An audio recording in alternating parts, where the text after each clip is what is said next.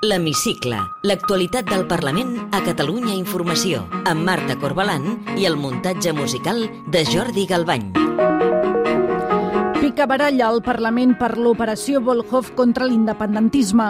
L'oposició, especialment Ciutadans i el Partit Popular, han aprofitat el ple d'aquesta setmana per mirar de desgastar el govern amb l'operació de la Guàrdia Civil i sobretot el vicepresident Pere Aragonès d'Esquerra. Avui entrevistem el president del grup República, Sergi Sabrià. Benvinguts a l'Hemicicle.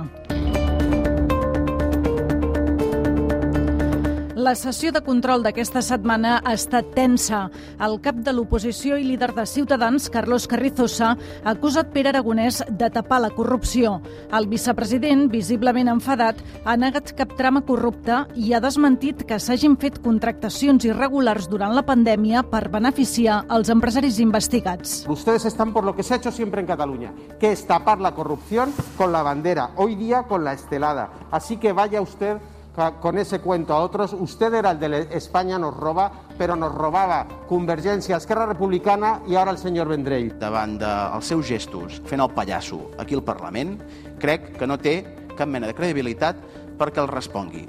Vostè s'està carregant no només la presumpció d'innocència de Ciutadans, sinó que també està fent servir el que són converses que no tenen res a veure amb els fets investigats i que es situen en unes investigacions judicials amb l'únic objectiu de fer mal polític. El socialista Miquel Iceta també ha demanat explicacions al vicepresident per l'operació Volhov, però amb un to més suau que Ciutadans. Aragonès insistia que sempre s'ha actuat correctament. Les actuacions judicials i aquestes informacions generen una inquietud que cal esvair d'immediat. No, no hi ha ni va haver-hi un comitè de crisi paral·lel a l'oficial. No, no hi ha cap mena de contracte de subministrament de, te de testos per part del Departament de Salut amb les persones que estan eh, involucrades o que han aparegut i que estan imputades en aquest eh, procediment. Ni tampoc cap contractació en l'àmbit de residències. Crec que em puc donar per satisfet per les seves explicacions i l'únic, lògicament, desitjar que la realitat mai no les desmenteixi. El líder del Partit Popular de Catalunya, Alejandro Fernández, ha anunciat que impulsaran una comissió d'investigació. El caos de les residències, que va provocar la retirada de les competències del senyor El Homrani, s'ha afegit presumptes, presumptes xarxes de tràfic d'influències que afectarien el seu partit. Nosaltres anunciem que quan la tramitació parlamentària ho permeti, eh, demanarem una comissió d'investigació sobre la qüestió.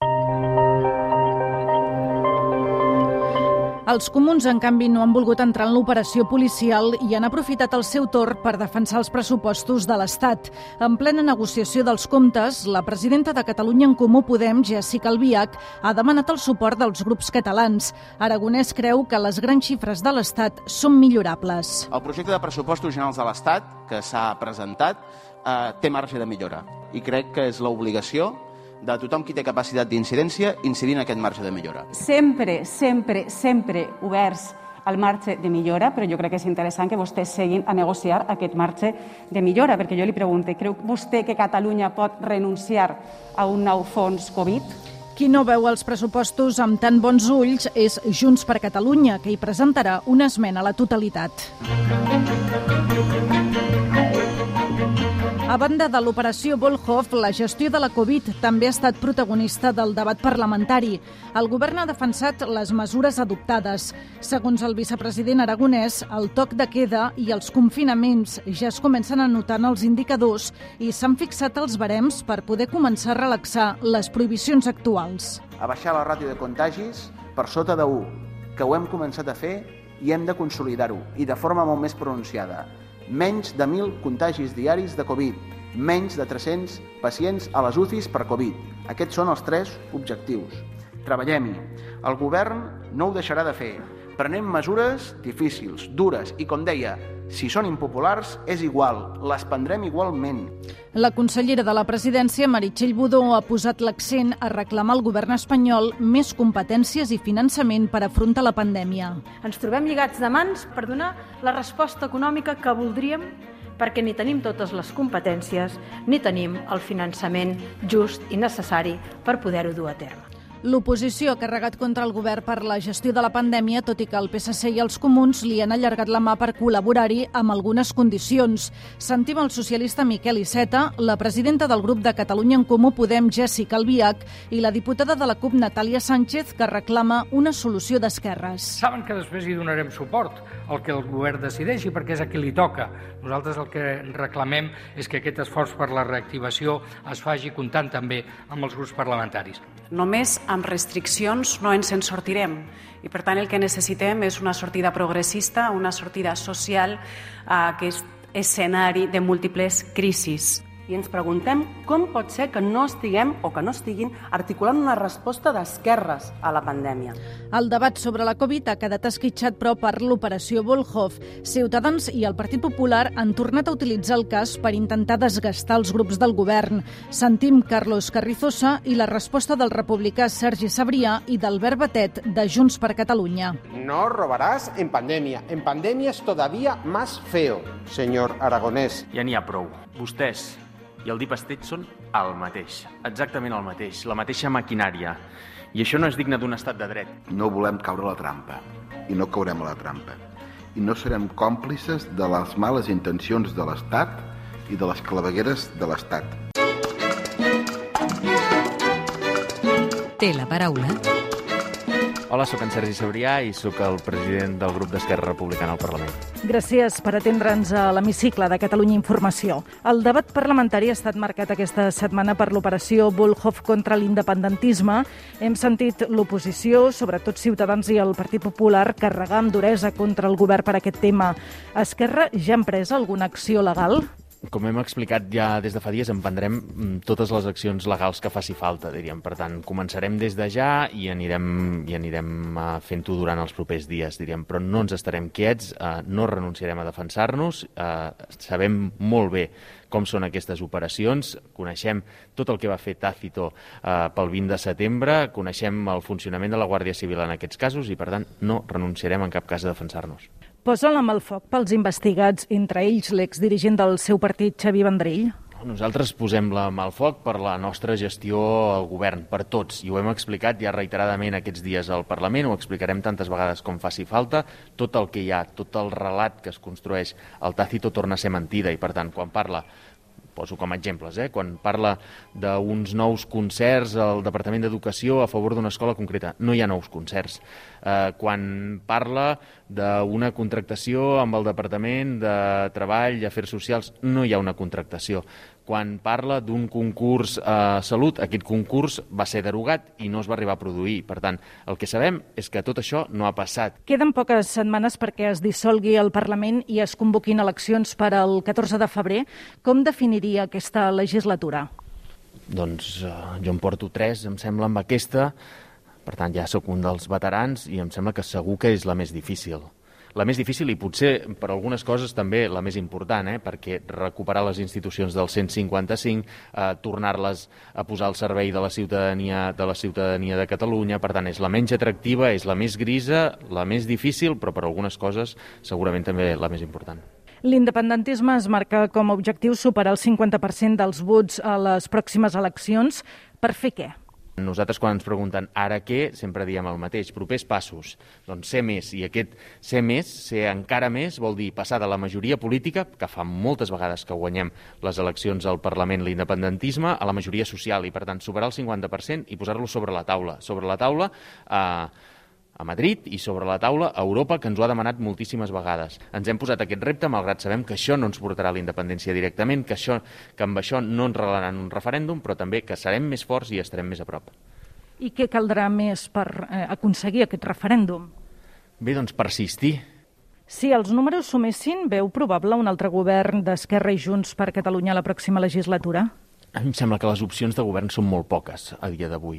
Estem patint conjuntament amb, amb Junts per Catalunya, amb, amb la CUP, també amb les entitats socials d'aquest país, eh, una repressió incessant. I, per tant, l'opció de pactar amb aquells que ens reprimeixen o que estan al costat de la repressió, que no la condemnen, a dia d'avui és zero. I, per tant, Esquerra no farà un govern en aquest país amb Ciutadans, òbviament, no farà un govern amb el PP, òbviament, no farà un govern amb els socialistes, òbviament. I, per tant, a partir d'aquí, crec que queden eh, poquetes opcions més, diríem, Junts per Catalunya, mm, la CUP, i ens agradaria, ens agradaria que la gent d'en Comú fes un pas endavant, es mostrés clarament clarament, no només en contra de la repressió, sinó també a favor del dret a decidir i que volguessin participar de la governabilitat a partir d'un govern fort. Ara, aquesta decisió l'han de prendre ells. Veu el govern del PSOE i Unides Podem disposat a indultar els presos independentistes? Doncs no ho sé, però poden fer-ho sols. Per tant, si demà volguessin, firmarien un paper i els presos estarien indultats. Uh, dit això, aquesta no és la nostra aposta perquè la nostra aposta no és una solució només pels vuit companys que estan a la presó, que ens morim de ganes que, que surtin i de poder-los de poder abraçar, però és que hi ha molta més gent que està patint aquesta repressió i, per tant, la solució és l'amnistia. L'amnistia eh, realment eh, resoldria la situació de tothom i et permetria seure en una taula a parlar d'autodeterminació, que és la segona part d'això, sense tenir eh, presos, sense tenir la pressió de tota la justícia sobre una part de la nostra societat i, per tant, permetria un diàleg net i clar. El Parlament impulsarà una llei d'amnistia aquesta legislatura per portar-la després al Congrés dels Diputats? La veritat és que estem molt satisfets amb aquesta iniciativa popular que ha sorgit, que es diu Amnistia i Llibertat, que està recollint, que està recollint signatures a molt bon ritme, que està treballant una proposta de redactat i, per tant, jo crec que a dia d'avui és més important el que hi diu en aquesta proposta de llei que no pas el com ho tramitem. I, per tant, ara som aquí i després busquem la millor manera de que això arribi a lloc. Entrem ara en el terreny més personal, si li sembla. Sé que li agrada molt la cuina. Si vinguéssim a dinar a casa seva, quin plat ens cuinaria? Ara que és hivern potser un niu, no? perquè és un plat que no et farà ningú més, perquè és un plat típic de, de Palafrugell, és un plat eh, molt antic que es fa mm, a partir d'un sofregit i una picada, com tants plats de, de l'Empordà, i que porta doncs, a productes per mar i muntanya, productes del mar eh, com, com el bacallà, com el, com el pixopalo, com la tripa de, com la tripa de bacallà, i S'hi pot posar una sèpia, que sempre queda bé, i productes de la muntanya com algun tipus d'ocell de, de caça, eh, salsitxes, eh, unes patates i segurament amb això i, i una mica d'enciam ja ho tindríem fet. És veritat que el seu pare el renya quan el veu a la televisió sense americana? És veritat que al principi d'estar al Parlament, eh, un dia que eren quarts d'onze de la nit, per tant, abans de començar a intentar conciliar horaris, eh, estàvem, diria que amb la, amb la Marta Vilalta, tots dos assentats, i jo anava amb un jersei i vaig rebre un missatge del meu pare dient al Parlament, si va amb americana, fes el favor. Digui'ns un defecte i una virtut. Defecte, el meu caràcter és a vegades, a vegades complicat. Una virtut és que en la mesura del possible intento posar-hi un somriure fins i tot en els dies difícils. Quin diputat fitxaria per al seu grup Ideologia a banda? A la Maria Sirvent de la CUP. I per acabar, completi la frase següent. El que més m'agradaria del món és el, el que més m'agradaria del món és eh, aconseguir l'objectiu pel, pel qual uh, vaig entrar en política i vaig fer el salt a la política nacional, que és aconseguir una Catalunya neta, lliure i, por, i pròspera, que és per al que treballem cada dia des d'Esquerra Republicana. Sergi Sabria, president del grup parlamentari republicà, gràcies per atendre'ns a l'hemicicle de Catalunya Informació. Gràcies a vosaltres, un plaer, com sempre.